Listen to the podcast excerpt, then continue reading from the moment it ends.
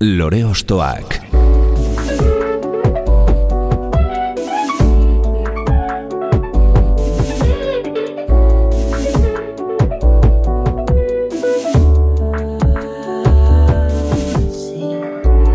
Ekain perezek aurkeztuta, gonbidatu bakoitza lore bat balitz bezala ostokatuko dugu.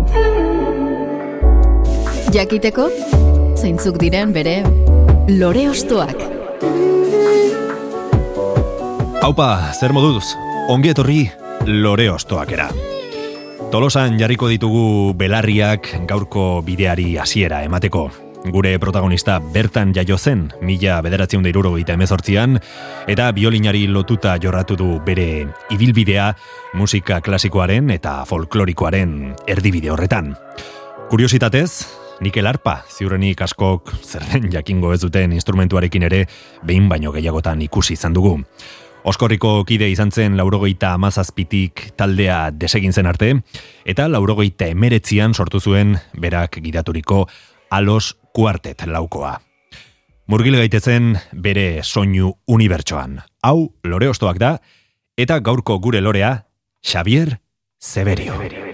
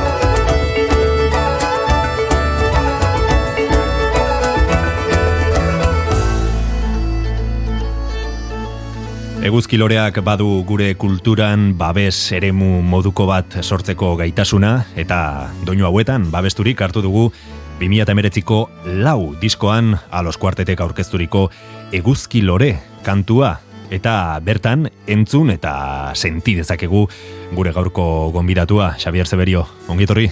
Kaixo, mi esker, zuei.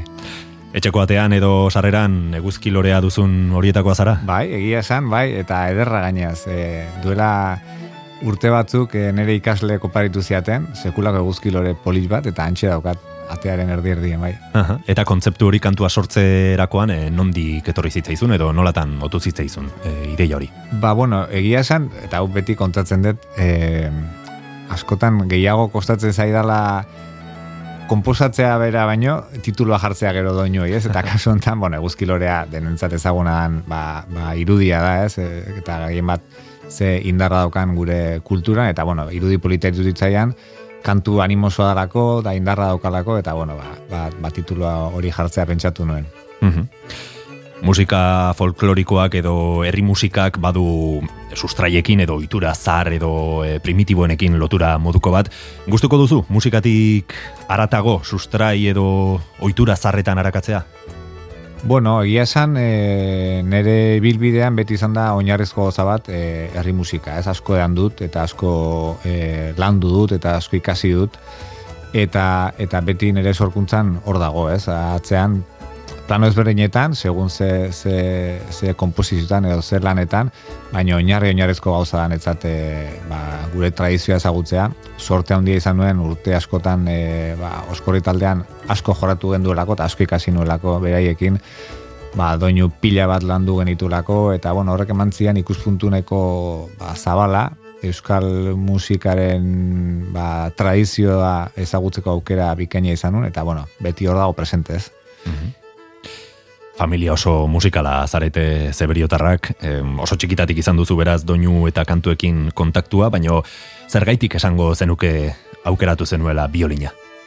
Ba, nik ez dakit, nik aukeratu nuen, onere gurasoek aukeratu zuten, ze oso txikitan hasi nintzen, ez? E, e, e, lau bat urterekin e, hasi nintzen biolina ikasten. E, proiektu piloto moduko bat izan zen, donostian jarri zuten e, Suzuki metodora, metodoaren e, lehen promozioa izan zen Espaini mailan eta ah. nera ama, bueno, ama eta eta oso musika, musika zaleak ziren, eta pentsatu duten ba, zetik ez gure seme apuntatzen, eta eta antxa zen txipi txapa, eta gero bai ja, ba, e, afizio eta ofizio bihurtu da musika niretza, baina egia esatean nahi barin baduzu laburterekin nik ez nun biorina aukeratu.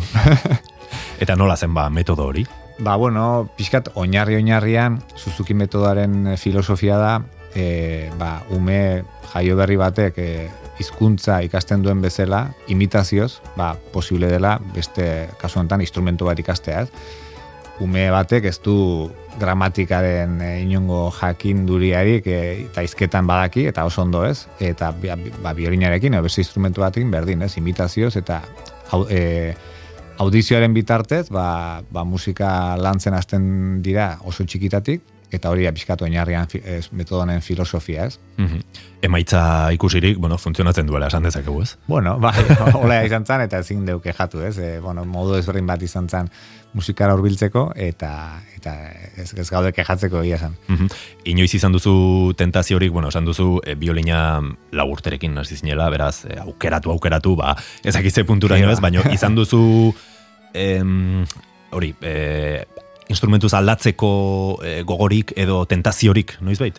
Edo instrumentu berriren batekin e, azteko? Bueno, e, a ber, zaiat, bueno, jotzen ditut sokako beste instrumentuak, ez? Ba, honitzen urte xente kontrabajoa ere ikasten, biola ere jotzen dut, txeloa ez, baina, bueno, biola, eta gero, bueno, duela ja e, hogei bat urte Nikel Arparekin, suediako instrumento honekin hasi nintzen buru belarri ez. Mhm. Baina bai, sokazko instrumentoz aparte naiz oso abila, eta beti pentsatu izan dut ez balitz, ez banintze bide hortan sartuko ze izango zen ere bizitza, ez, bueno, hoi guztien, guztien patua da, ez? Osea, bakoitzak e, ba, ba, karrera bat eh, aukeratzen duzunean bezala, ez? Ba, bueno, bideak emate zaitu askotan, ez? E, eta eta kasu honetan hemen hemen naiz, nire instrumentoarekin eta pentsatzen dut ze izango litzaken musikaria ez banitz izango, beste instrumentu bajoko banu, baina bueno, hori, ba, bueno, urrungo bizitze baterako.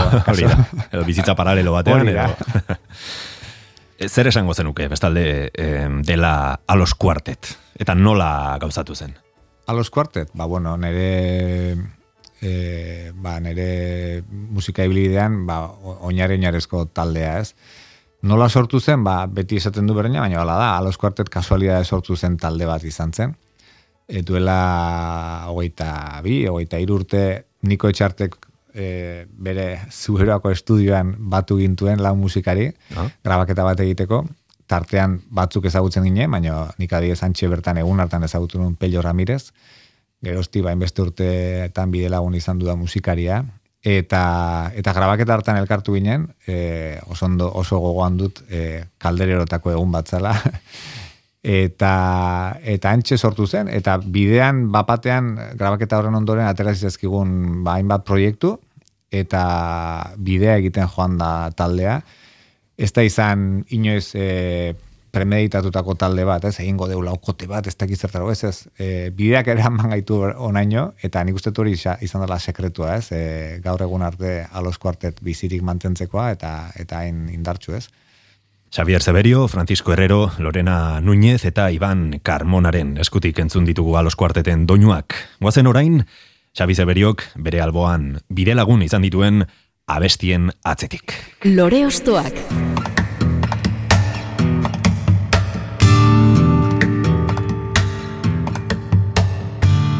Ba, bueno, aukeratu duan lehen kantua, eh, Antxon Balberde den eh, doinu bada, bihotzean mindut. Nere haurtzaroran araman kantu bat, eta iruditzen zait izugarrezko kantua, izugarrezko melodia, izugarrezko letra duen eh, eh, ba, sorkuntza badala Xabier Lizardiren poesia hau da benetan unkigarria. Mm. Eta entzuten duten bakoitzean, e, ez dakit beste e, dimensio batera naraman kantua da, esan bezala, sekulako indarra dauka, eta eta agian ez da egin ezaguna, ez? Bueno, Antxon Balberde beti, bueno, noski dela kantari oso ezaguna, baina nire ustez ez du izan ez, ez, ez dauka e, behar luken bezain besteko errekonozimentua eta nik benetan, bueno, kantua eta beste asko, bere beste asko asko maite ditut eta horrengatik aukeratuet e, ba, e, saioa azteko. Mm Xavier Leteren alboan irudikatzen dute askok balberde, baino bere bakarkako lana eta konkretuki abesti hau sekulakoa da, interpretazioa eta eh, komposizio mailan, ez? Esaterako gitarak nola laguntzen duen ahotsaren melodia, e, bigarren ahots moduko bat eginez eta harmonia benetan ederrak sortuz. Bai, eta gero dauka ahotsean timbre bat oso oso berezia, oso auskorra bezala, ez? Oso sentiberatasun handikoa eta nahi benetan ba, asko onkintzen hauen abeslari bada. Mm Antxon Balberderen gaztetako ahotxura, ez? Hemen izan bai. genuen e, duela ez asko, eta berak e, komentatzen zuen hori, ez? Nola ahotsa ere aldatzen doan, e, Bueno, baina nik uste antxonek ere mantentzen duela, eh? Ba, noski aldatzen dela, eh? Ezinbestekoa da baina mantentzen du esentzia hori, esentzia hori eta e, ez dakit sotiltasun hori ez, kantatzerakoan eta bueno, nik oso gogoko dut egia esan. Mm Xavier Lizardi poetaren hitzek e, borobiltzen dute kantua esan duzun bezala ze portzentaketan esango zenuke duela garrantzia besti batean hitzak eta doinuak edo musikak? Bueno, kasu hontan eh, esango nuke uneko berrogeita marra, ez? Osea, e, Lizardiren poesia hone daukan indarra da, benetan, izugarria. Osea, irutzen zait, eh, amonaren eriotza nola kontatzen duen, eh, ez dut uste posible danik modu hobea o, o intensoagoan edo benetan errealagoan eta poesia ederragoarekin hori kontatzea, ez? Mm Benetan da, ba, aipatzeko modukoa. Eta musika letrarekin kasu hontan behintzat guztiz bat egiten du eta, bueno, simbiosio hortan sekulako abesti potoloa sortu zuen e, Antxon Balberdek. Ezkontza perfektua egiten du, horrez? Ba, Neretza bai, neretza bai. Eta askotan zaila da hori lortzea, ez? Mm Letra oso ona izan daiteke, edo musika ona, baina olako ba, elkartze bat eh, ematea, ba, ez da, ez da beti gertatzen, eta horrengatik beste esfera batean da, ere iritziz kantu hau, ez, izugarria. Mm Eta esaten duzuna, ez, hitzak em, ze zuzenki sartzen diren, e, bueno, nola ilustratzen duten e, momentu e, gogor hori, ez? E, bai, pertsona bai. bizitzan, bueno, gehienon e, bizitzan gertatzen den e, une gogor hori. Hori da, ematen du, benetako pelikula bat aizela ikusten, osea, entzuten dituzu let, e, apaldi bakoitzan, e, e, osea, itz guztiak daukate bai. bere lekua, bere indar hori ez dakit da, da benetan netzat oso unkigarria. Biotzean min dut, min etxia negari xila darion mina. Amonatxo bat nun, gaur, enarak etorri garaiez aldegina.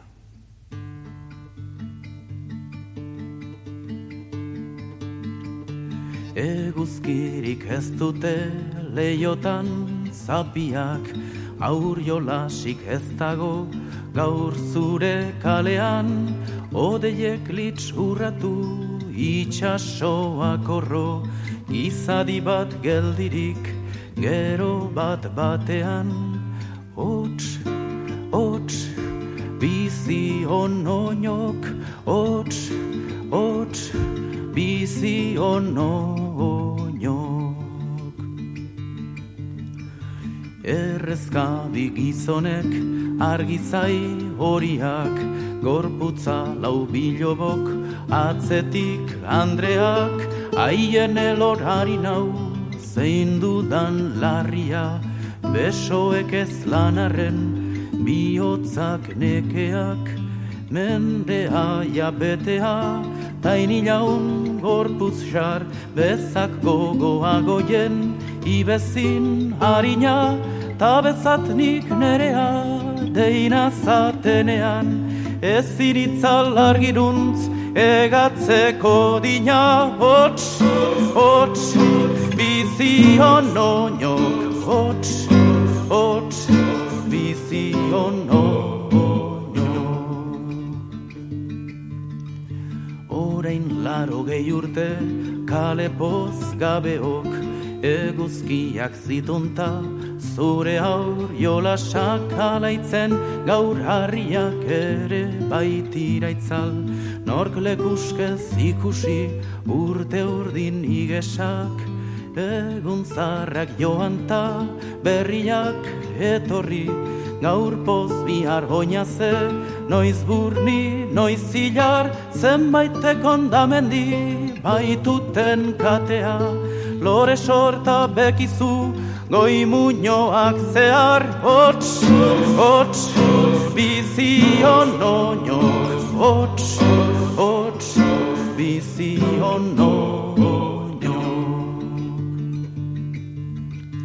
Bat batean eten da, bizion hori gorputza lagadugu nunbait aldakit nun bultzan haute barrura nir hau nitzargi ordian sarnazu begi lausota urgun amona txopakarrik zagoku batean hotz dago zuten zure azken meza zerraldolen artetik negu gau aiduri ez aldatortzu luka aizerruki eza hots, hots, enegan bihotz, hots, hots, enegan bihotz.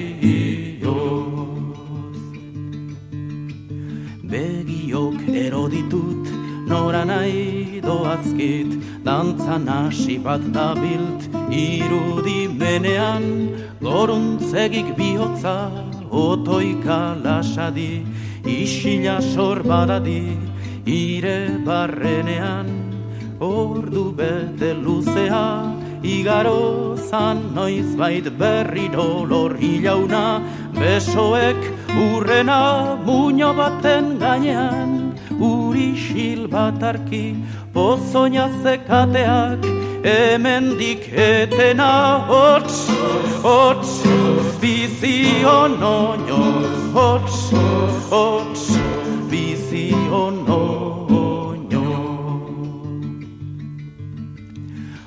bat jasota ikusi dut musu ximela, barrean txabizirik balirau bezela, Hots, hots, lerra dibioz, hots, hots, lerra dibioz.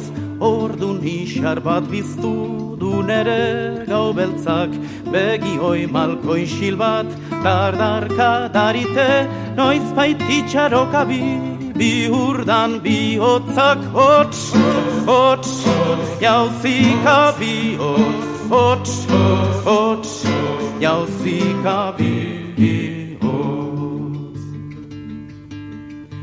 Agur oiukadio gorputz simur maite, agur amonatxo egun haundirarte. Hots, hots, bizi onoñok, hots, hots, bizi onoñok, hots, hots, bizi onoñok, hots, hots, bizi onoñok, hots, hots, bizi onoñok, hots, hots, bizi onoñok, hots, hots, bizi onoñok, hots, hots, bizi onoñok.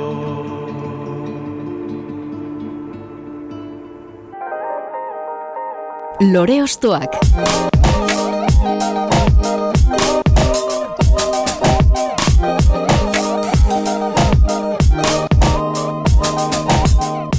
Anjon Balberde donostiararen doinuak bereskuratu ditugu Xavier Zeberioren lehen lore ostoa geure ganatuz eta irurogeita amareko amarkada atzean utzita, laurogeilekoan murgituko gara, ez?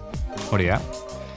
Eta beste referente batekin, ez zat, itoitzekin, Egia esan, asko kostazait ze kantu aukeratu, banekin itoitzekarri barnula, zen, etzat, bueno, talde maitatuenetako bada, ez? Eta mm. oraindik asko den talde bada. Eta inbeste kanta ondauzka, ba, bueno, etzan erresa, ez? E, aukerak eta egitea. Kasuntan ekarri etena, benetan, ba, oso kantu ederra da, asnoitez da radio di Lisboa izenekoa. agian bere kantuetatik, ba, pixkat ezberdintzen da, ez daukain beste pop kutsu hori ez, Bai. eta, eta bueno, komposizio hau, usteet jamari ekaiena dela, eta ba, asko gustatzen zaiten kantua da, eta bueno, kantua bea baino taldea e, ba, nabarmendu nahi duke ez, ba, benetan influentzia handia izan du nigan, eta bueno, nik suerte haukin nun, anai arreba zarragoa ditu, bastante zarragoak, eta eta nire bal, gaztaroan, ba, bueno, disko guzti hauek etxean izan ditut, eta asko edan detez, talde guzti hauetatik, eta berai ere zordi pixka bat, e, ba, ba, hainbeste entzun izana, ez, olako taldeak, eta bueno, nire ba, garaiaietara narama, ez, olako melodiak entzutea. Mhm. Lehen aldiz beraz, etxean entzungo zenuen, zure anaiarreben Bai. edo eskutik. Bai, anai arrebak, eta bueno, beti izan dugu musika asko etxean, ez? Gurasoetatik hasita oso oso musika zaleak zira, bai, klasikotik, eta, bueno, euskal kantari guztia pasaira etxetik, eta, eta bueno, ba, ba, ba sorte izan dut, ez? Eta, eta hori, ba, bueno, horrek eh, zure gustuak ere markatzen ditu, nola, ez? Mhm. Aipatu duzu kantu asko dituela onak itu izak noski, zaila izango zen bat hautatzea, eta e, etapa ezberdinetan gainera, ez? Estilo ezberdinak jorratuz, e, bueno, Bai. rock progresiboan, e, folkan, e, popan, e, bueno, oso talde eklektikoa izan da, ez? Eta beti ere e, maila oso altua emanez, bai e, teknikoki begiratuta, baina baita e, transmititzeko garaian, ez? Bai, hori, ja, ezekilen, ezekilen garaietatik, ez, ba, bueno, pixkat, e, e, rock progres- progresiboa edo experimentalago hortatik, e, gero pa, pop e, doinuetaraino ez ebilbide izan zuen, uste eta hamar urte inguru e, izan zela taldea aktiboan ez, eta bueno, zenbat e, gauza eta zenbat e, aportatu zuen euskal musikari, ba, bueno, benetan e, harritzeko modukoa dela, eta, bueno, kantu pila bat ditu, ditute itoitzenak oso gustokoak, garai guztietakoak, eh? E, ba, bueno, lauteiatu agian ezagunena da, ez? Eta eta beti esaten dut ez, jo, nola posible, emezortzi urterekin olako kantu bat e, komposatzea, ez? Hori bestea da, ze bai, gaztetasunarekin ez, horrelako hitak e, da. betirako geratuko direnak ez, e, sortzeko gaitasuna izatea, bera ez? Hori da, ba, artista handiz osatutako taldea, Juan Carlos Bera irutzait, ba, kantari bezala bikaina, originala, diferentea, eta, bueno, ba, bueno oso oso gustokoa. et. Eta zeinen ederra den gainera e, deskubritze prozesu hori ez, batez ere, beno, gaztetan e, taldeak ezagutu soinu berriak, e, unibertso bat deskubritza bezalakoa da ez, e, edo dira momentu horiek. Hori da, bai, bai, bai, guztiz, ez? E, etxean entzutezan e, opera, entzutezan e, atabalpa iupanki, entzutezien Brasileko oinuak, entzutezien euskal musika egunero, ez? Eta, bueno, horrek irikitzen dizu pixka bate bai, ikuspuntua, ikust, e, nahi gabea, nahi gabe, konturatzen zea, ba, e, filtro gabe zaude hain gaztetan, ez? Gaztetasun hortan, eta eta hori duena e, ba, nolabait barneratzen duzu, eta zu ondoren izango zeana horren kulpa ere bada noski, ez? Mhm. Eta horren kulpa ere badu asnoitez da radio Lisboa, ekarri diguzun kantuak mila bederatzen da laurogeita iruko musikaz blai diskoa ireki, eta beste behin gure artean hartuko ditugu Juan Carlos Pérez eta konpainia. Hemen dator, itoiz. Espazioan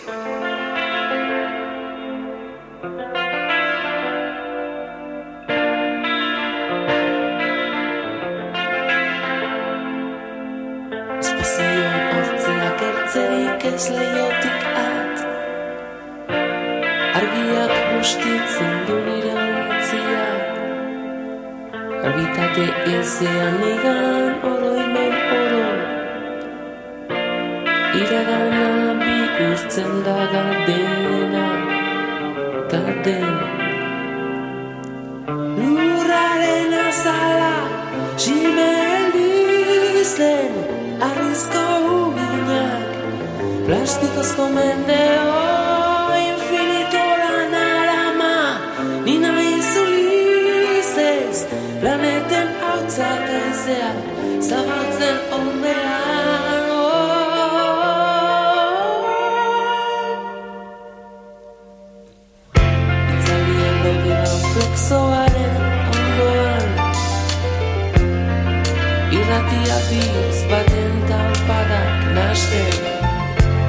Nasten ziren Radio Lisboan emisio ez Gauaren azken mugetan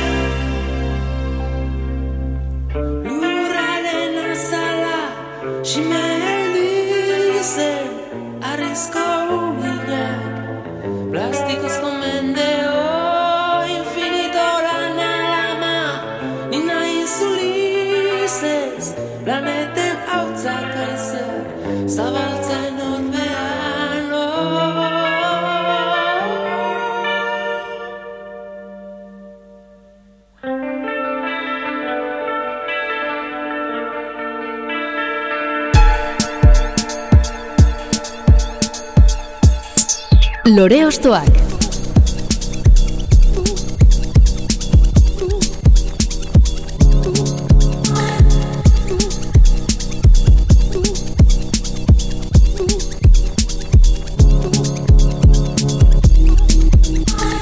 Xavier Severio Tolosararen eskutik entzun dugu itoizen Asnoites da Radio Lisboa eta aurrera jarraituko dugu laurogeieko hamarkadan beste artista eta kantu baten atzetik jarrita, eh, norekin jarraituko dugu.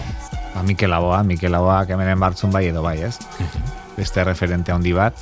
Eta lehen esan duten bezala, berdina pasatzen Mikelekin, ez? E, berak, ba, egon bartzula, ne aukerak eta onta, baina nekin oso ondo ze kantuz, eh? beste kantu mordo bikaina ditu Mikelek, eta, bueno, kasu honetan lili bat aukeratu, ez? Asko maitxeten kantu bat. Bere sutiltasun hortan, simpletasun hortan, zenbat transmititzen duen, ez?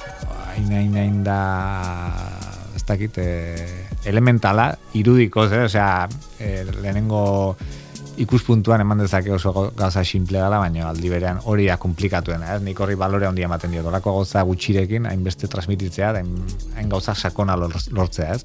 Simpletasun horretatik komplexutasun hori, ez? E, Bai, lortzea. Hori da komplikatuena. Hori da, simple, simpletasun hori lortzea ze, ze komplejua den, ez? E, Totalmente, osea, hori da, hori da, ez da sumuna, ez musikan. Ezerekin, ia bi elementurekin, olako indarra duen kantu bat sortzea, e, oso jende gutxien eskutan da, eta Mikele lortzen du, ez? Mhm. Eta nola asimilatzen du, ba, bueno, zu bezalako kontserbatorioko e, musikari landu batek, e, nolabait oiko metodo edo teknizismotatik kanpo dagoen laboa bezalako artista bat. Eske hor- horrengatik da artista, ez? Mikel horrengatik da artista, ez zelako konservatoriotik pasa. eta eta bera dauzka bere kodigoa, bere bere bere kantatzeko manera pertsonala, bere bere musika, bere mundua eta horrengatik da bera. Azkenean e, ikasketak oso ondo daude, e, ikasketak ematen dizute ba, ikuspuntu zabal bat, e, ikusten duzu zer dan, baina nik uste gero sorkuntzan e, garrantzitsua dela zure guzti hori aztea, eta eta zure bidea nolabait e, sortzea intuiziotik, ez? Eta Mikel intuizio handiko pertsona eta artista zen, eta bere garaian, orain oso horrez ikusten da, ez? E, gaur den garaietatik Mikelek egin zuna bere garaian, ez? Baino nolako esperimentazioak egiten zitu, nolako benetan izan zen oso ausarta bere garaian, eta, bueno, nik uste errekonozimentua lortu dela, baino ez da behin ez da soberan e, ba, ba, argitaratzea, ze, ze, ze izan zan Mikel, ze, ze sortu zuen, nolako ikuspuntutik egin zuen musika, eta bere kodigoa berea bakarri da, eta errepika ezina Mikel eta horrengatik da, olako artista handia, ez? Mhm. Bere kodigoa aipatzen duzu, en, bere arabuak edo, eh, arabuak apurtzeko daude musikan? Be, totalmente. E, arauak hau- hautsi behar dira, eske arauak mm, nik uste ez daudela, ez dutela egon behar, ez, hoi da, hoi da problema, ez, askotan arau gehiagi daude, eta denak berdin sonatzen duela, ez, askotan e, talde, edo, bueno, proposamen asko behintzat, e, originaltasun, ba, iska xamarra dutela, ez, Ho- hori da zailena, ez, zure bide propioa sortzea, eta hori da, hori da la- lana handiena, ez, ondo edo gaizki jotzea, baizik eta kantu hontan e, ikusten da, ez, e, Mikel nola jotzen duen, eta gero e, oso detalle txikia da, baina berak, bere, inkluso bere ritmoa dauka, ez, eta ikusten da hor nola Iñaki Salvador bere lan, lankide eta, bueno, bere jar, e, esku ezkerra eta esku bila esango nukenak, nolako komeria dituen bere gitarra jarraitzeko, ze e, Iñakiren e, logikan e, beste bada, eta orduan, bueno, o- mai, maixuki da ojota, eh? noski, osea, Iñaki beste izugarrizko musikari badalako, baina ikusten da, errimikoki ere, Mikel harrapatu behar dala atzetik, osea, Mikelek ez du bere, sistema metrikoa daukala, ez, eta horrengati da hain, hain handia, ez. Mhm. Hori bera komentatu zigun hain zuzen Antxon Balberdek, hemen izan zenean, ba, komentatu zidan, eh, esate, aipatzen duzuna, ez zaila zen pianoarekin laboaren eh, gitarra eta hotxe doinuei jarraitzea horrez egoen ez kompas, ez tempo, dago ez, ezer, eh, eh. inongo loturarik, Eta guztiz, hori da, hori da. askea zen, ez? kantu hontan ikusten da, ez? Osea, e, gure metronomoak ez du ezertarako balio, eta mm, nolabait, mm, Iñaki Salvadorek enkajatu behar du e, arreglo eder hori, Mikelen gitarra e, astrapto hortan, ez? Hori da. astrauta bezain ederra dala, ez? Hori da, hori da kuestioa. Horrek ematen dio benekotasun hori, pertsonalitate hori, eta Claro. bakarra izatea, ez? Claro, claro, hori da, hori eta hori ez da konservatorioan ikasten. Kasu honetan, aipatu duzun bezala, Iñaki Salvadorrek e, jotzen du pianoa Mikel Laboaren alboan, eta sarren indiaren hitzetan oinarritu zen, mila bederatziun da laurogeita bederatziko amabi diskoko kantu honetan. Hau da, Lili bat.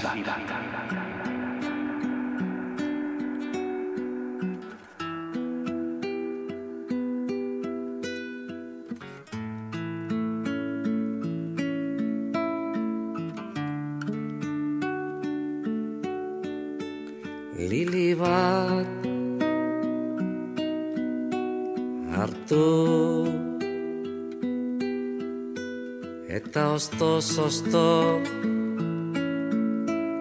erantzi. Eta arek zu ere ametz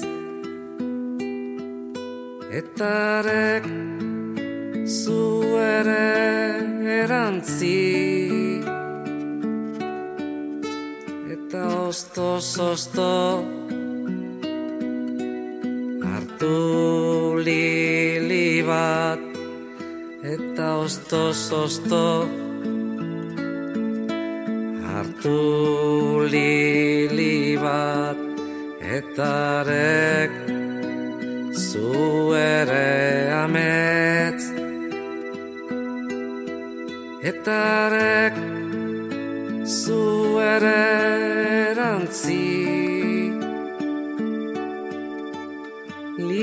bat.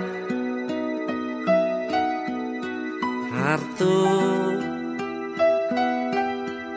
Eta ostoz osto erantzi. Eta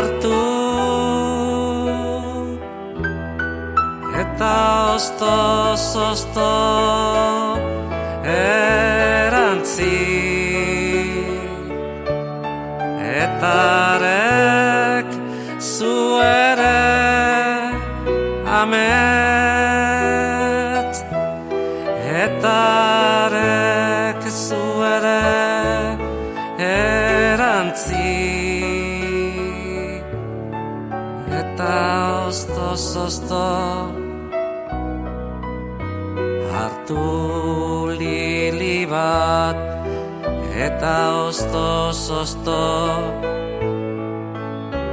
hartu lili bat eta arek zu ere amet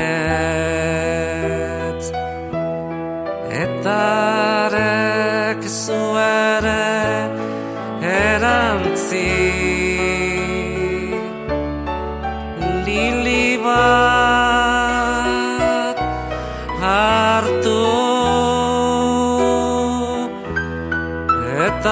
osto osto erantzi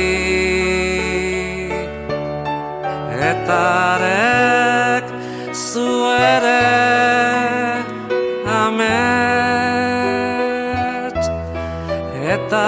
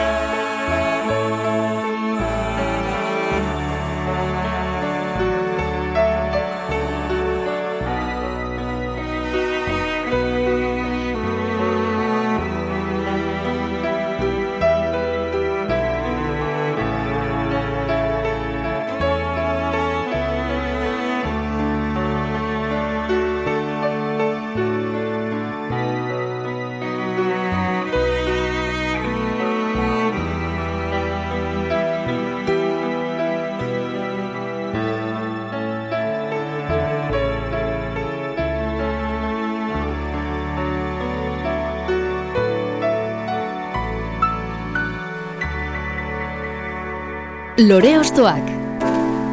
Gonbidatu bakoitza lore bat balitz bezala ostokatuko dugu.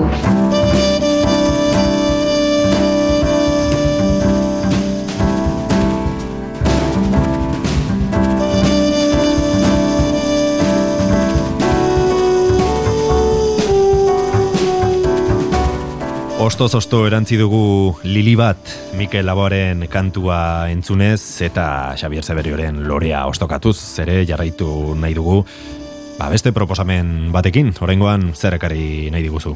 Ba, ertzainak, beste referente handi bat, ez?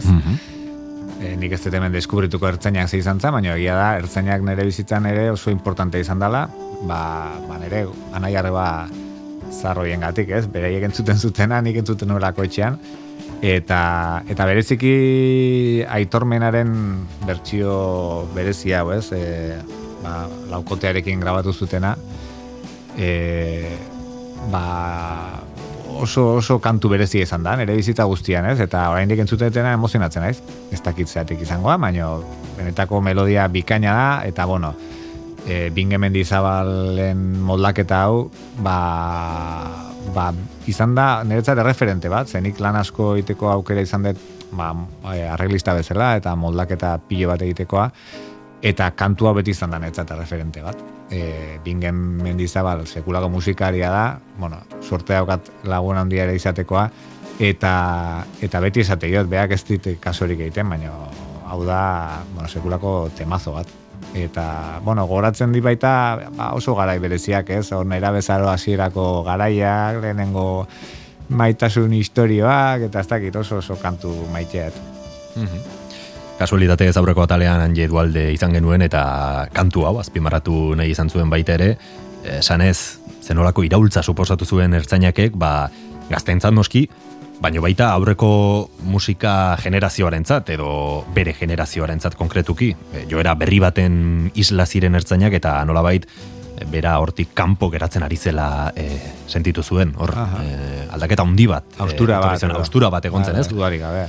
Oso talde, ba, bueno, iraultzaile izan zen, ez? E, Josu Zabalaren ba, gidaritzapean, ez? Hor pixkat igual itzalean egon den Josu, baina, Bai. bueno, beste ideologo eta musikari eta pertsona izugarri bat, Josu Zabala, eta, bueno, gariren karisma horrekin, eta, bueno, benetan oso talde erreferentziazkoa izan da euskal musikan, ez? Eta asko ekarri diona, eta, bueno, bide berri bat eta ezberdina jorratu zuena, ez? Bai, aipatu duzu, e, bueno, e, gariren irudia da agian ezagunena edo, baina hor atzean e, Bai. Josu Zabalak lan ikaragarria egin izan du komposizio mailan eta alde guztitatik ertzainaken arima e, ba, Josu izan zen, ez? Gariren ahotsa ere noski, eta bere presentzia eta bere indarra, eta bueno, hor juntatu zian, ba, bi indar oso haundi, eta horrengatik e, ba, hain garantzitsu sortatu zen, ez? Talde hau, eta holako itzala utzi du euskal musikan, ez? Mhm. Bertsio originala gitarreroago da, baino nola ez zuk ari moldaketez e, eginiko bertsioa azpimarratu nahi izan duzu. Zu ere violinista izanik, ba, Bai, esaten dizuten bezala, ba, bueno, e, referentziazko kantu bat izan da, eta jarraitzen du izaten, ez, e, moldaketa honek, eta, bueno, horrengatik aukeratu dut.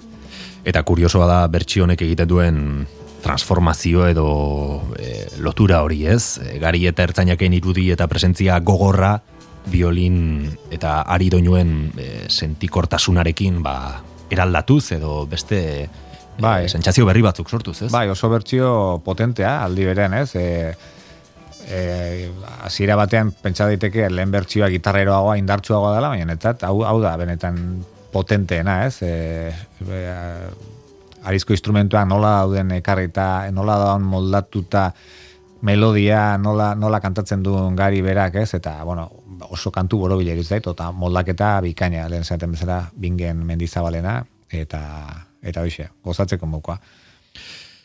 Ba, goza ezagun, laurogeieko amarkadari agur esateko, mila bederatzen da laurogeita bederatziko amets prefabrikatuak diskoa zabalduta entzungo baitugu, ertzainaken aitormena, hau da, Xabi Zeberioren urrengo lore ostoa.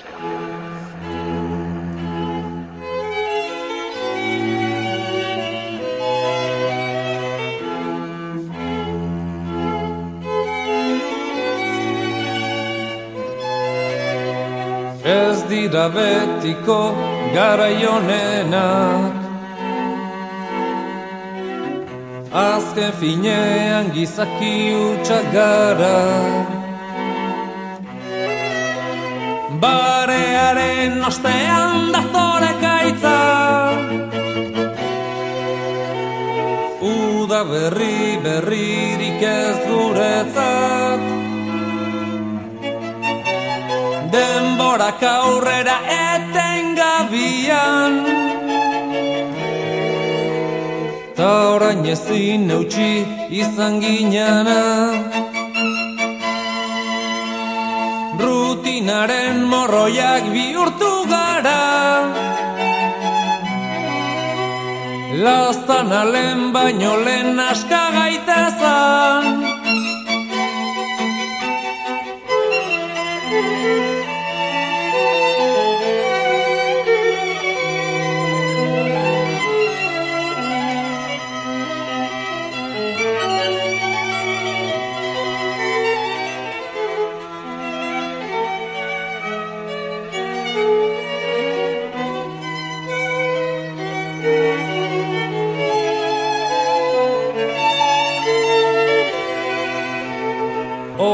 O hartu gabe arrunt bilakatuta.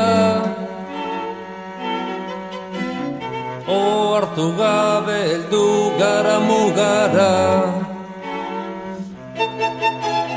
Mundua jautzi zaigu gainera. Maitia lehen baino lehen aska gaitezan Ez dakigu non dagoen oberena Bila dezagun beste lekuetan. Bai, zindagizut, ez dizut ala inoiz gezurrik esan eta zaude ziur, ezin izango zaitu dalazu inoiz. Aitortzen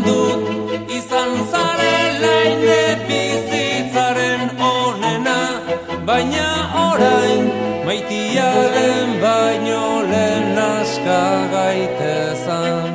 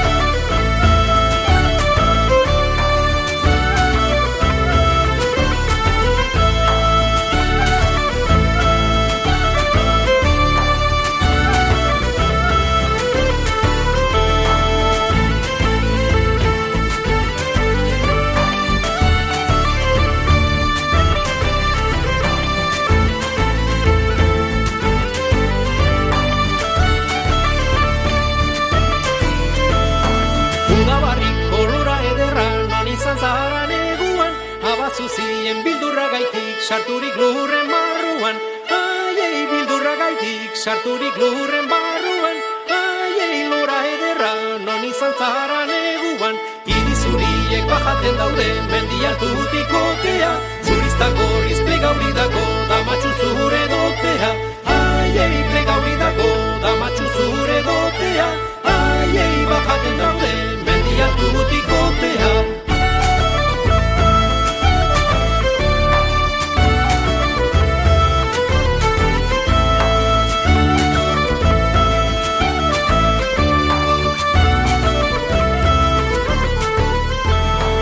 Hainbat talde eta kantu aipatu ditugu, noski alos kuartet, zure proiektuaren presentziare izan dugu, baino bada talde bat herri honen folklorean eta noski zure ibilbide pertsonalean txakurako garantzia izan duena, oskorri.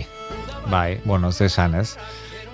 Oskorri izan da nere bizitza musikala. E, emezortzi urterekin uste sartu nitzala, e, ume moko bat nitzala, kasi.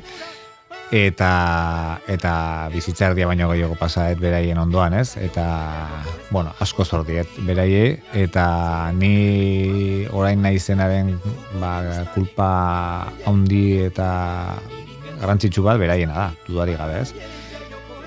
Beti izaten ni unibertsitatean itzala jo, biolineko ikasetak egitu, baina nire unibertsitatea oskorri taldeko bizitza izan zen, eta, eta bueno, eman aukera, ba, bueno, pilo bat ikasteko, disfrutatzeko, lagun handi egiteko, e, bueno, amaika lekutan mundu guztitik kontzertuak emateko, e, talde pilo bat ezautzeko, bueno, ez dakit, e, asko, asko zordiet, eta bueno, eta gora entzun deun kantua, udaberri kolora erra, ura diskokoa da, eta hau izan zen, ba, nire lehenengotako kompozizia, e, horretarako ere aukera mantziaten, ez, e, taldean sartu berritan, e, bueno, zu animatu eta komposatu eta batzen lehenengo diskartan bi kantu grabatu genitu lan eriak, hau eta beste bat, amodio antzea, eta eta bereien bultza izo hasi sorkuntzan, eh? ni orain ordurarte apenas ibili nitzan sortzen beti instrumentista bezala eta eta horrek emantzian ba bueno konfiantza eta eta alde hortatik ba bueno beti eskertuko diet ez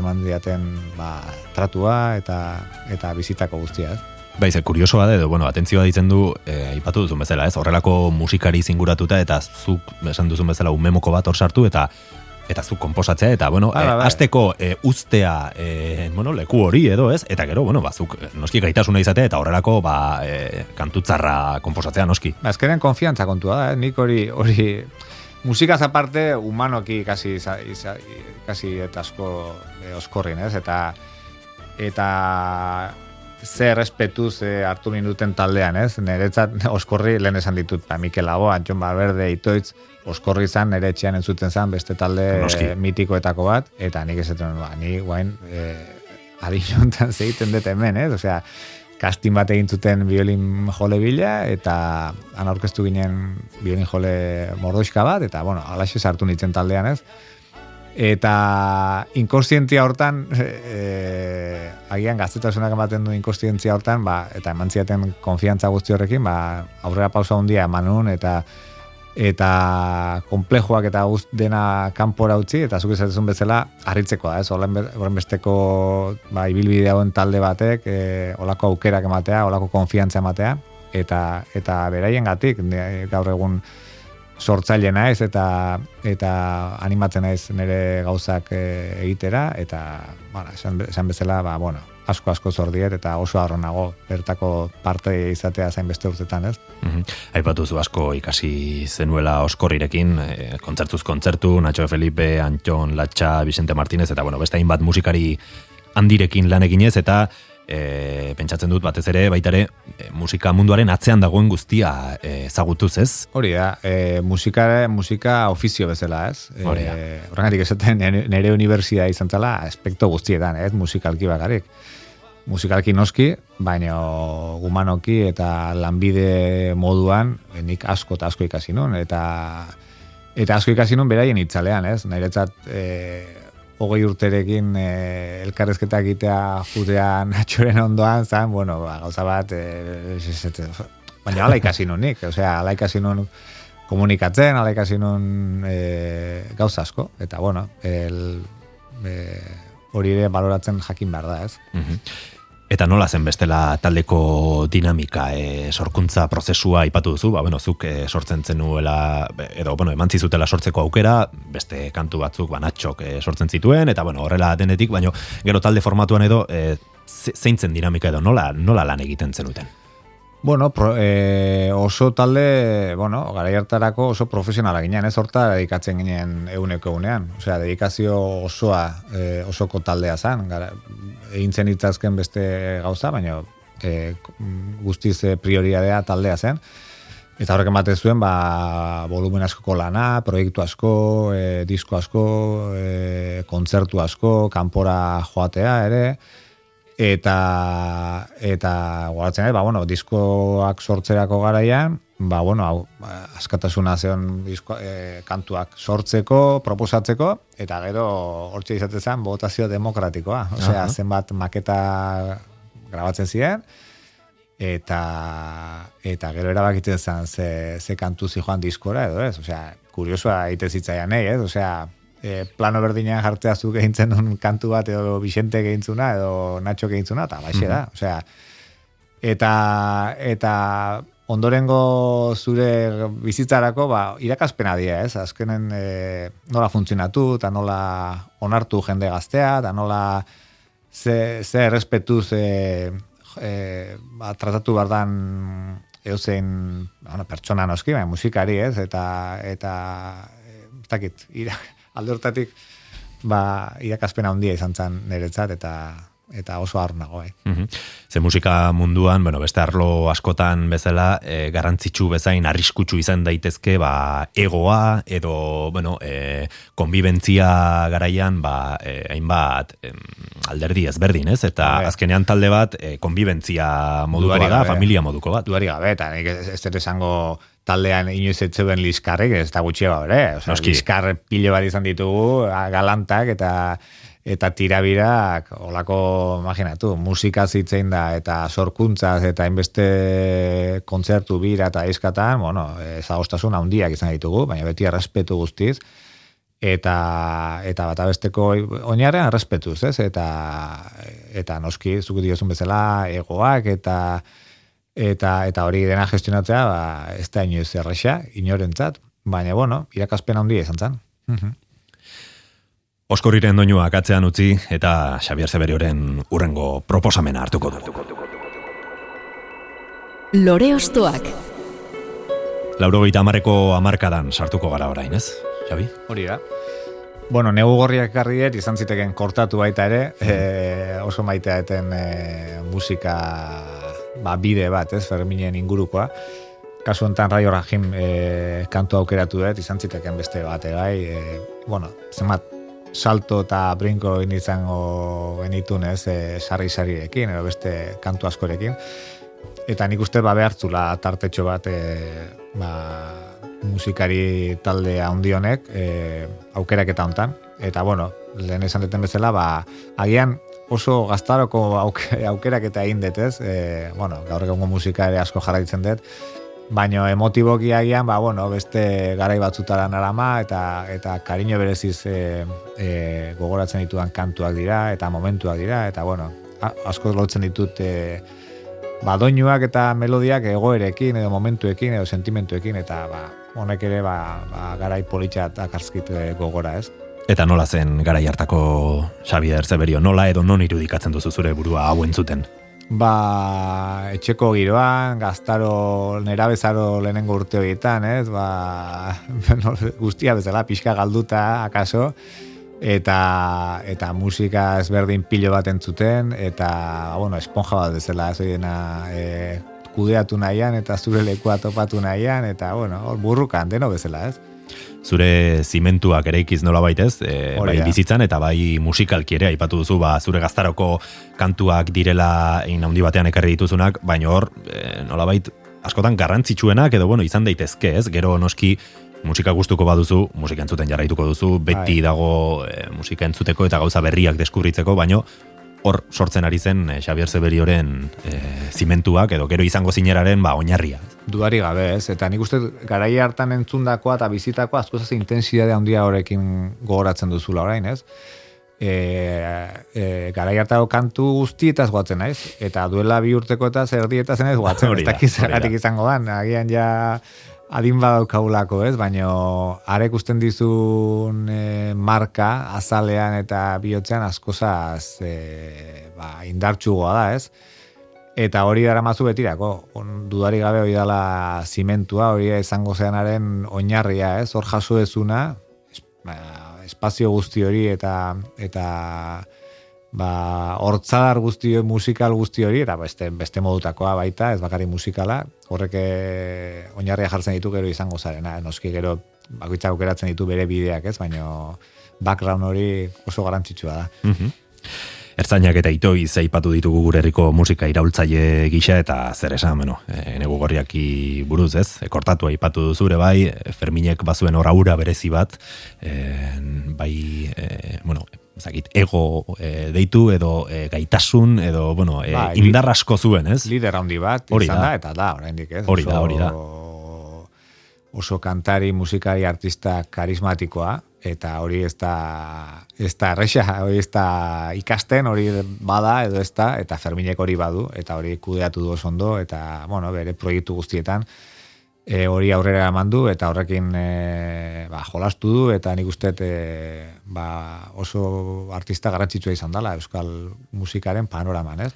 Eta negu gorriakekin e, iritsi zen nolabait Euskal Herrira ere, ba, bueno, e, lehenengo rap doinuak, ez? Edo, Hori da, nasketa horiek ez beste estiloekin eta gaur egun dena oso normala iruditzen zaigu, baina Fermin ere oso berritzaile izan zen bere garaian, ez? E, nasketa guzti horiekin eta hori errekonozitu hartzaio, ez duari gabe.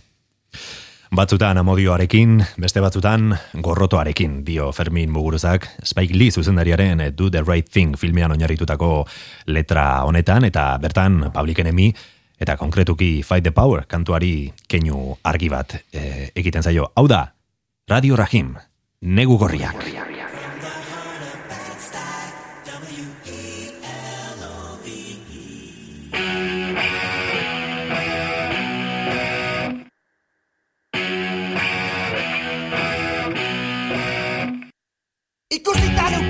Amodio eta gorrotoa Azkozkoetan, tatuatorik Baina ukabilka, ibiltzeko Atzak jantzi behar dituzu. Eta pasutan, amodioarekin Bestetan aldiz gorrotoarekin Eta pasutan, amodioarekin Bestetan aldiz gorrotoarekin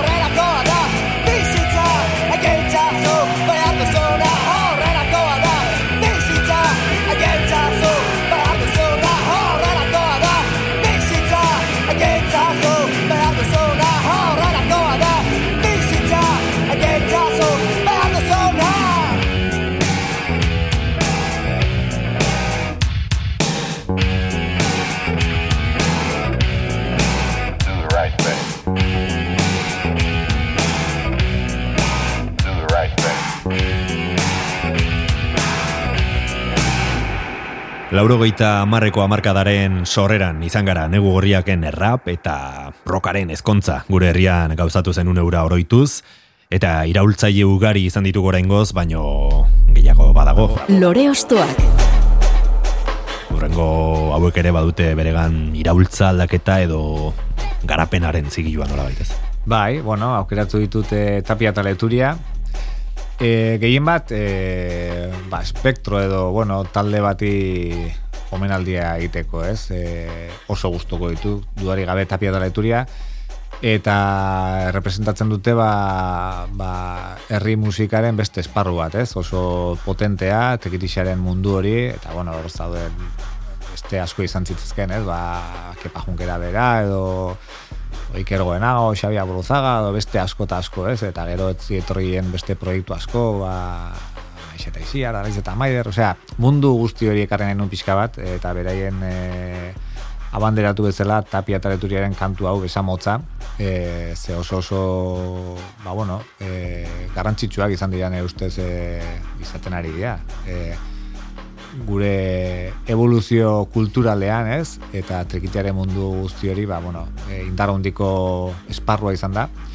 Eta kasu hontan, ba, kantua oso derra irutzen zait, ez? Zuzeneko bertsioak ardiet, e, ikusten da pixkat, e, e, erromeriaren kutsua, ez? E, juergako giro hori, eta, bueno, moldaketa ere oso derra irutzen zait, hor, asko miresten duten beste artista batekin, e, arkaitz minerren mandolinarekin, eta bueno, ba, ba, horrengatik ekarri, ekarriet kantu hau besamotza e, ba, aukeraketa honetara, ez? Piskat, omenaldi bezala trikitiaren munduari. Mm Herri musika ipatu duzu, e, bueno, musika folklorikoa ere ditu aldiogu, em, horren parte zarela em, badakigu, nola bait, Tapia eta leturia oskorrirekin batera izen handiak dira, arlo honetan, baino nola definituko zenukezuk musika folklorikoa edo herri musika?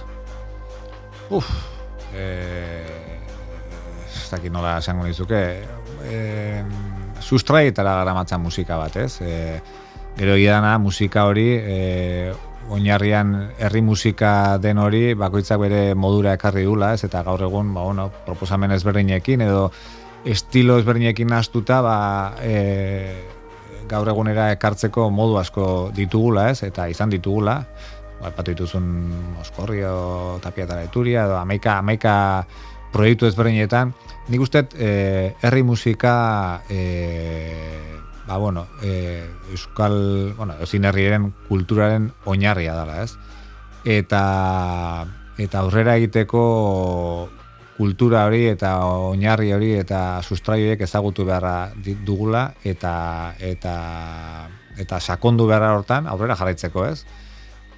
Pentsatu izan da agian herri musika bigarren mailako zerbait izan dela, nik dikotomia hori bizi izan dut, ez? Konservatibetik e, e, oskorria salto egin nuenean, ez? E, e, bueno, goi mailako ikasketak egiten egin eta, bueno, izan jende askorentzat ni sentitu nuen, ez? Garaiak suerte aldatu dira, ez? Baina garai hartan izan zen, bigarren mailako musika batera salto egitea bezala, ez? Musika kultutik, e, ba, ba, da gira, oso txiro batea jongo baniz bezala, bai. ez? Bueno, ez jakintasunaren e, gauza dira, ez? Eta konturatzea e, denborarekin, ba, herri musika dela guztiaren oinarria, eh? zenbat eta zenbat komposatzaile klasiko bikainek edan dute eta ezagutu dute musikarrikoia, baina bueno, oraindik ere e, mundu bi, bi mundu egin arteko e, muga eta eta e, ezberdintasuna oraindik nabaritzen da. Suerte esan bezala gauzak aldatzen ari dira eta e, muga horiek e, lausotzen ari dira. Baina hori oraindik badago, ez? Eta eta herri musika esan bezala oinarrezko gauza bada aurrera egiteko eta nere kasuan e, iturri nagusi bat e, nere sorkuntzarako. Eta aurrera egite horretan, esango zenuke badagola e, mugarik estilo aldetik edo e, beno, temporalki hau da, e, iruditzen zaizu muturreko adibide bat jarrita, eh? E, trap musika urten edo mendeen poderioz bilakatu daitekela musika folklorikoan? Ba, zergatik, ez, osea, nik ez dut beste sinisten e, kategorietan edo, edo estiloetan, ez, ez nik ez dut uste nahiko klasifikazio edo kontzeptu antzua dela, ez? Osea, e, nik e, sinisten egia musikan. Eta musika hori nundik e, datorren, noski izan idazkela e, oinarri tradizionalagoak, edo herri musika lotutakoak, edo beste batzuk, baina herri musika e, numaitetik dator, numait norbaitek sortu zuen, numait e, ez dator zerutik, ez, ez da espaziontzi baten etorri honea, eta hemendik e, berreun urtera e, guretzat oso vanguardista dien gauzak, herri musika izango dira, ez, herria egiten duten e, elementua dira herri musika, ez da besterik, ez? Eta klasifikatzen hasten balin badea, mugak oso zaila dira askotan, eta nik ez dut inundik inora sinisten e, ez e, estiloetan, ez e, ni sinisten dut e, unkitzen duen musikan eta unkitzen duen musikan. Ez hortik aurrera beste guztia bosta xola zen. Mhm herri musikaren ordezkari moduan eta hauek bai unkitzen gaituztela gainera hartuko ditugu tapia eta leturia. Hain zuzen, 2000 biko zuzeneko disko hartatik ekarri baitiku Xavier Zeberiok, besamotza.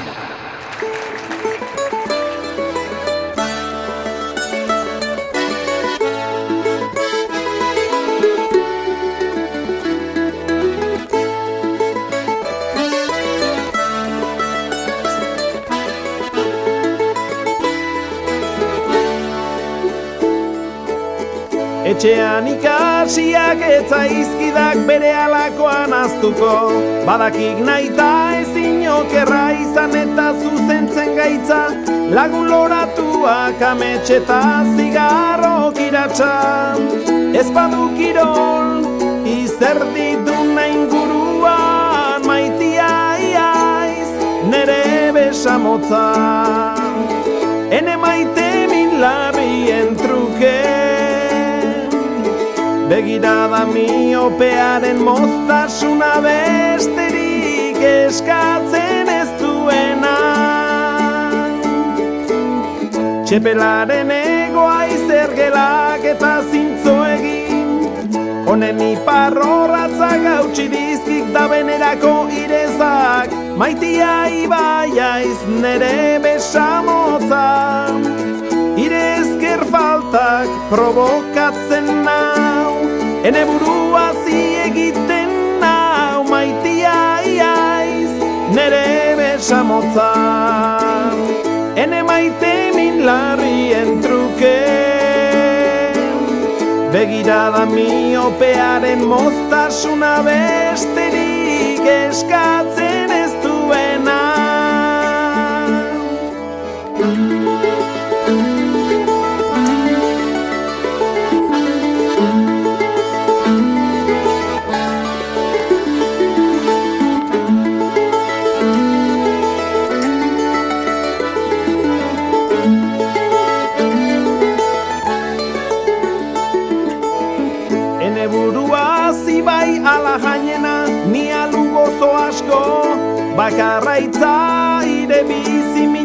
minetako pendiz malkorretan Kupida gabe jausi nau gordina Eta larrua bizirik hemen naukak maitia Besamotz maitia Maitia iaiz Nere besamotza. Ene maite min larrien truke Begirada miopearen moztasuna besterik eskatzen ez duena. Maitia iaiz nere besamotza Ene maite min larrien truke. Begirada miopearen moztasuna besterik eskatzen ez duena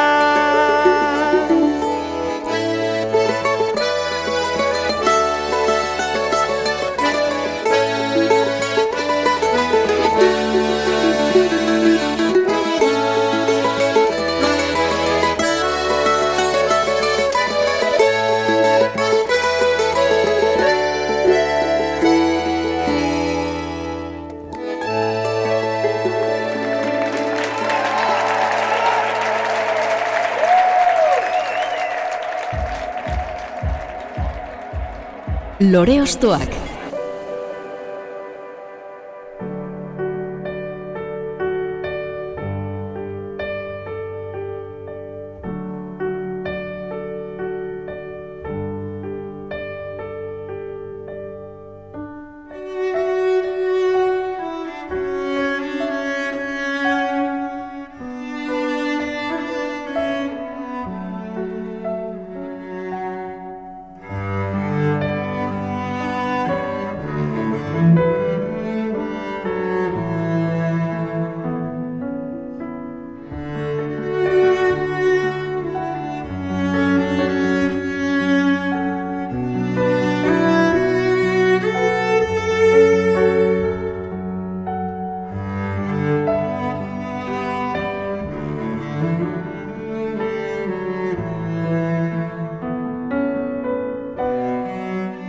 Peio Ramirez ordiziararen gartxot entzuten ari gara eta esai guzu Xabi, zergatik ekarri nahi izan duzu hau. Bueno, ba, Pello beste musikari eta pertsona oso garrantzitsua izan dalako nire ibilbidean. E, elkarrekin, bueno, alos kuarteteko sorera egin gendun, eta nik uste e, musikari gutxi daudela inondo e, ulertzen aizena musika egiten, ez?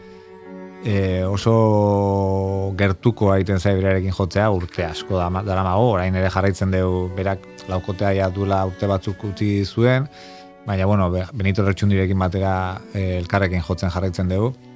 Eta musikalki oso oso gertuko artista, er, eta bueno, humanoki duari gabe, ez lagun handia dela, delako. Eta iruditzen komposatzaile izugarri bat, eta niretzat referente bat, ez? E, nolako melodiak sortzeko gai den, zat kantu hau da sublimea, ez, bere semeari idatzi zion, e, gartxoti jaio berritan, eta itu zait sekulako kantua. E, musika instrumentale erreferente bat, txelista bezala ere, bueno, e, haundia, eta musikari osotasunean hartuta nik uste Euskal Herrian dagoen musikari haundinetako badala, ez? Eta horregatik ekarriet kantu hau, zehutze zait e, oso oso itxuraz beste asko tan pasetan bezala itxura soila eta simplea dana, baina ba, sakontasuna handiko kantua. Aipatu zu elkarrekin jotzean sortzen den konexio horretaz, ez? E, askotan gertatzen da, ez? Norbaitekin asko jotzen duzunean edo bueno, sortzen dela konexio moduko bat e, burmuinak, bi burmuinak lotzen direra eta ia e, begiratu gabe ere e, biak bat bilakatzen zaretela, ez? Hoxe da, bai, hoxe da exactamente pelioekin gertatzen zaitena, ez? Elkarrekin jotzean e, oso oso oso ondo ulertzea eta eta bakigu exactamente berak ze, zer egingo duen esango nuke bai. eta eta behiratu gabe pues, e, oso oso gertuko sensibilitatea dauka, nik uste, eta, eta oso ondo ulertzea e, musika egiten urtetan ere indeu duo bat, on proiektua izenekoa elkarrekin, bea akordeoian eta ni Nikel Arpata violinarekin, eta maika emanaldi egin izan ditugu, e, disko bat ere grabatu gendun. Eta erresa dirudi ez, bi musikari elkarrekin ondo uztartzea, baina ez da inerresa, eta peliorekin, ba, oi, ba, nik asko gozatzen dut berarekin jotzen, oraindik ere sorte hori badukat, eta, eta musikari bezala aparte, sortzaile bezala ere handi iruditzen zait. Oso ikuspegi zabala duen artista bada eta eta berak ere badu bere sortzeko modu berezia eta bere jotzeko modu pertsonala eta artista bada. Hoi ez da errexealen esan dugu bezala ez da musikari estandar bat, baina musika asko dauka barnean, eta, bueno, horren adibide da kantu hau, ez? Kantu ederra, gartxot. Mm e, bertsi originala 2000 eta bostean editatu zen, entzun duguna izeo jalak e, e, lanetik, eta 2000 eta malauean aipatu duzu ba, e, on diskoan ere, zuk berekin e, beste bertsio bat egin zenuela, nikel arpa e, joaz. Bai. Zer da nikel arpa, kota iguzu? Nikel arpa, ba, nikel arpa da suediako erdiaroko instrumento bat, teklabidez jotzen den biola moduko bada, hola, e, gitarra bat bezala e, eskegita eta arko txiki batekin. Oso instrumentu berezia da, e, oso soinu ba, ezberdina duena. Ba, oska, lau soka biolaren tesituran jotzen direna, biolaren soka berdinak. Baino, e, horretaz gain, baditu amabi soka azpian simpatiaz vibratzen dutenak, eta horrek ematen dio e, ba, sonoritate oso berezi bat, reverberazio natural moduko bat, eta nezita erdiarako instrumentua izan, ba, ba oso sistema ba, dakit, e, berria bezala da, ez? Osea, oso, oso sonoritate ba, atemporala lortzen da instrumentuarekin, eta nik ezagutu nuen oskorrirekin, ba, e, iparaldeko herrietan izan ginen disente jotzen, ba, Suedian, Noruegan, eta eta han Suedian, ba, esaten da instrumento nazionala moduko adela, ez? Eta duela hogei bat urte lutier bateri eskatu nien bat egiteko, eta orduan ba, bueno, maite minuta nago, eta biolina eta biola bezain beste jotzen den ikelarpa, eta, eta beste esparru batera nera ma, ez? Beste, beste dimensio batera, eta asko maite duan instrumentu bat. askotan instrumentuak berak em, sorkuntzan eraldatzen zaitu, ez? Beste leku batzuetara eramaten zaitu. Ba, guztiz, e, nik kasu honetan iklarpaen timbreak, ba, beste, e, ez da rekonozitzen erresa, ez? Ez da zuke zuten badezu biolin bat, segituan dakizu biolin badala, edo gitarra bat, gitarra bat, nik erarpa, batzutan badirudi segun zete situretan biola de gamba bat, edo, edo e, zanfoina bat, e, edo beste gaita bat, incluso, ez? Mhm. Osea, badakizu zerbait ezberdina dela, baina ez dakizu oso ondo zer den, eta hori da politxa, ez? asko erabili izan dut ba hainbat soinu bandatan eta grabaketetan eta bueno, jendeari ba bueno, e, evoka oso oso timbre evokadore dauka, ez? Mhm. Talde eta bakarrari asko dira, ari moldaketak beraien kantuentan sartu nahi dituztenean Xabier Zeberioren izena, etortzen zaienak, azken urtetan esaterako izaroren alboan entzun zaitugu, baita alos kuarteten ere.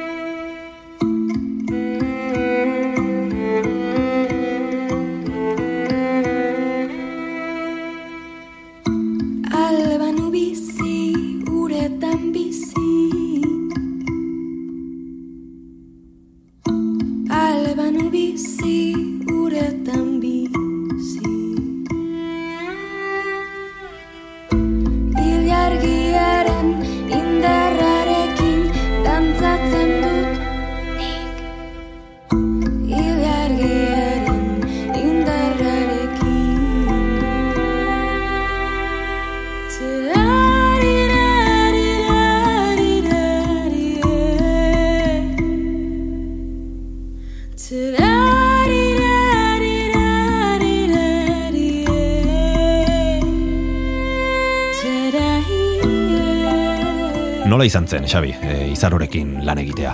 Edo nola da, izarorekin lan egitea?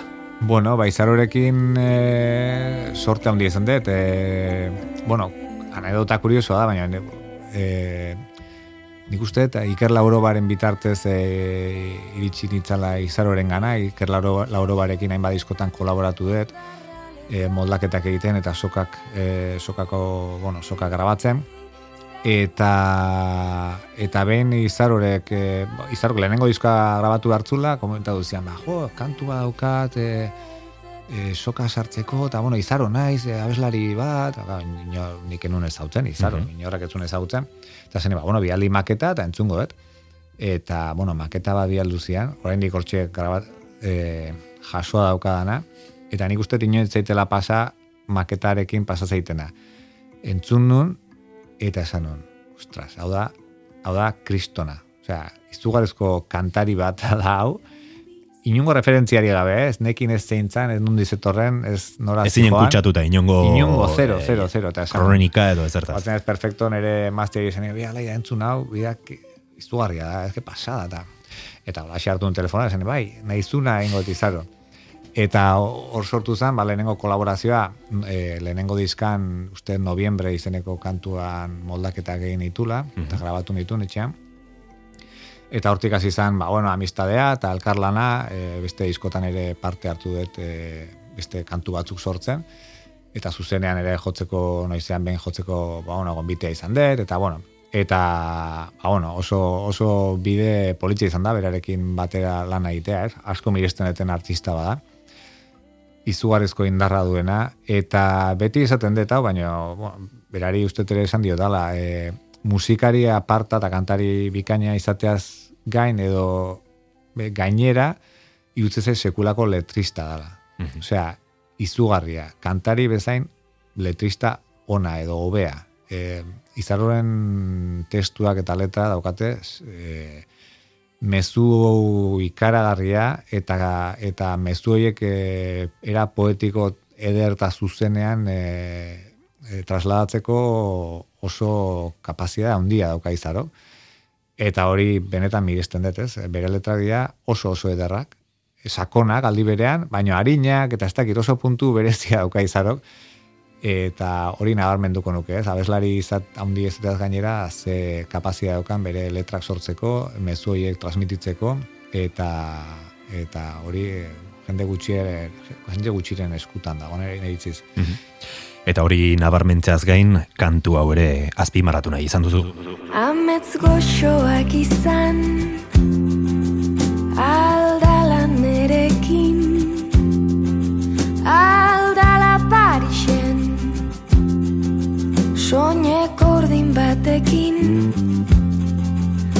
Zukitz egin bizitzaz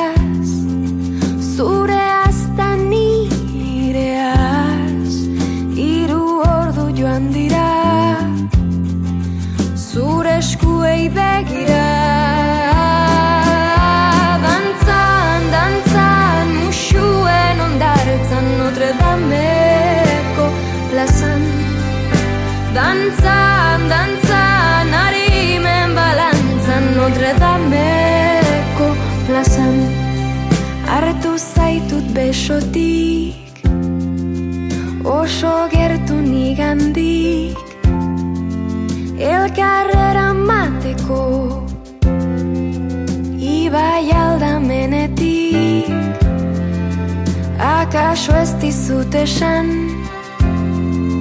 Maite dudala bizitzak Zure begietan.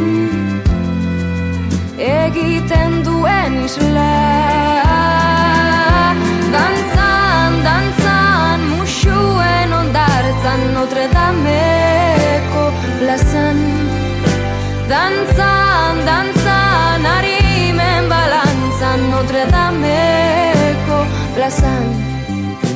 Eta kantu honetan zuri bakarrik ez, zure semea ere okerrez banago entzun dezakegu bertan, ez?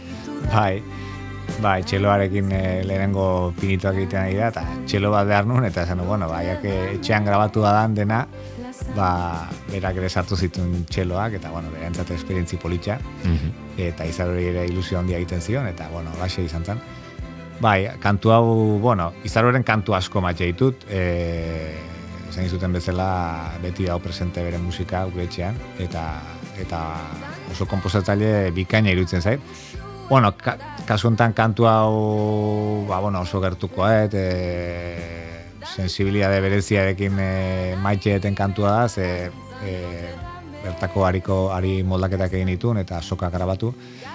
Eta, bueno, goatzen naiz izarok pasazianean, esan, nola esan zin, honekin Xabi, marzu mermelada, mermelada, eta, eta olako gauzekin, gero bat baten jartzen zea bertze egin, ez? I, ga, gozaba da zuri gustatzea, baina gero izar hori gustatu hartzaio, eta, eta, ia zen, bueno, nik personalki asko gozatzen dut, asko asko beste taldentzat e, moldaketak egiten, eta soka garabatzen, ez? Nire esparru maiteenetako bada, e, kontzertuak eta nire sorkuntza propiak bezain beste gozatzen dut, ze ematen dizu aukera beste musika beste ikuspuntu batetik e, ikusteko, eta musikari horiek e, xaxatzen zaituzte, ematen zaituzte zuk egingo etzen duken estremo batzutara, ez?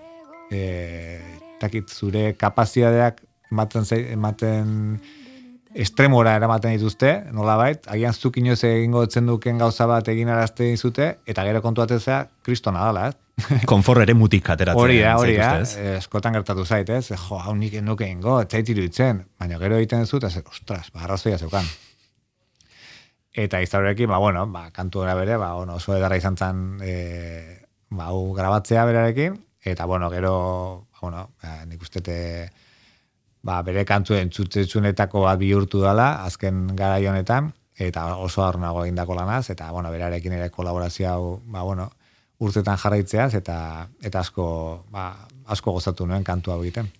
Artista askorekin lan egin izan duzu, e, aipatu ditugu esaterako, bueno, Peio Ramirez, e, Izaro Bera, eta Silvio Rodríguezekin ere baduzu elkarlan bat, ez? Bai, bueno, gauza kuriosoa izan zen.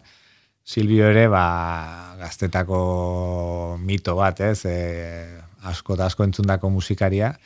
Eta bizitzak ematezkitzut noitako sorpresa eta opari txiki bat izan zen duela hiru bat urte uste izan zala e, Juan Carlos Canvas, e, pianista argentinarrak e, proiektu potolo bat grabatzeko pres zegoen eta tartean ba, elkartu gintuen e, Silvio Rodríguez eta Alos Quartet kantu batean, e, La Vida Silvioren kantuaren bertsio berri batean, eta bueno, sortazu ditaian nahi aukera moldaketak egiteko, eta bueno, hori bai izan tala presioa, esaten, jo, nola ingo beti guain moldaketa bat, hori bai izan tala dardarizo momentua, e, Silvio kantuan jartzea zure sokekin eta hola, eta bueno, ba, netzari izan opari haundi bat, e, bizitza, musikari bizitza honen opari haunditako bat.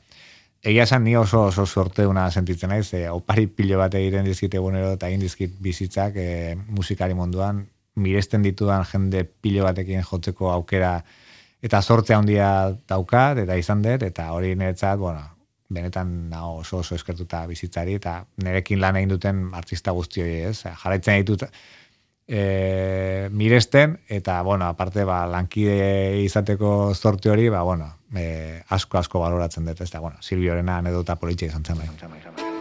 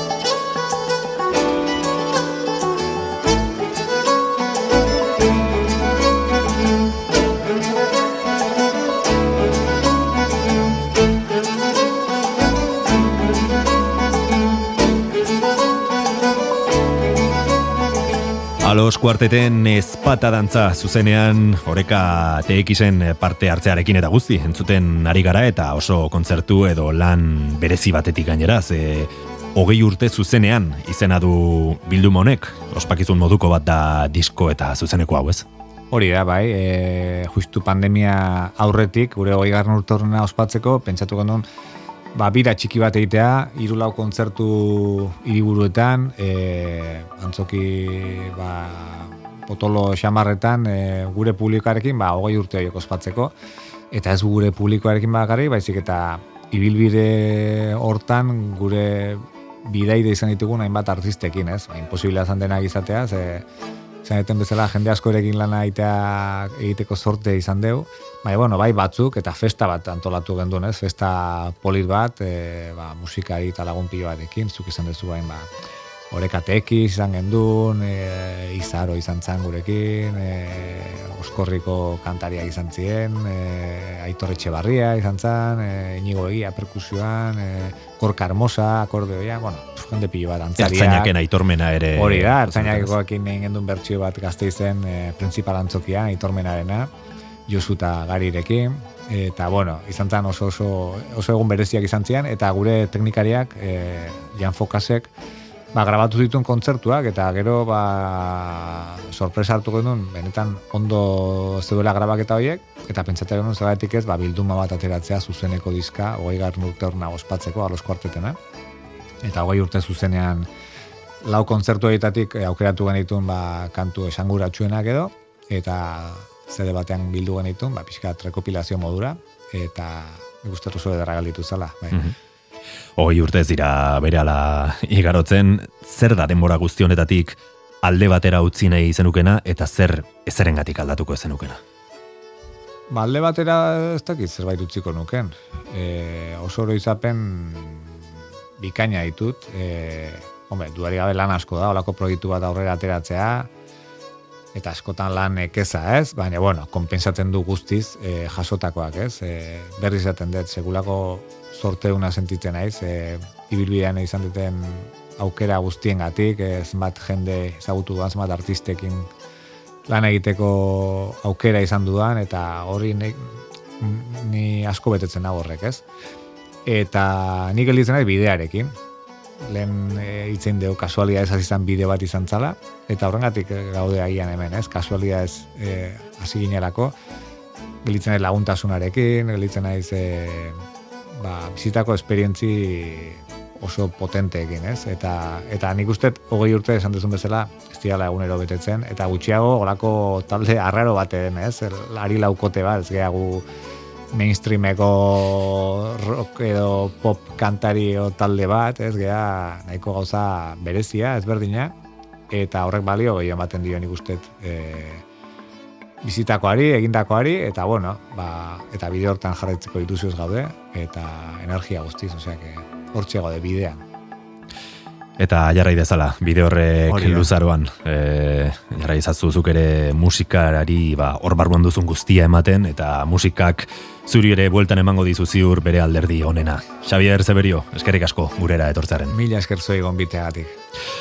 Eta zuri entzule besterik ez, ostokatu dugu Xavier Zeberio eta alos kuarteten espata dantza entzun eta behar izan ezkero dantzatuz ere bagoaz. Ondo izan eta urren arte.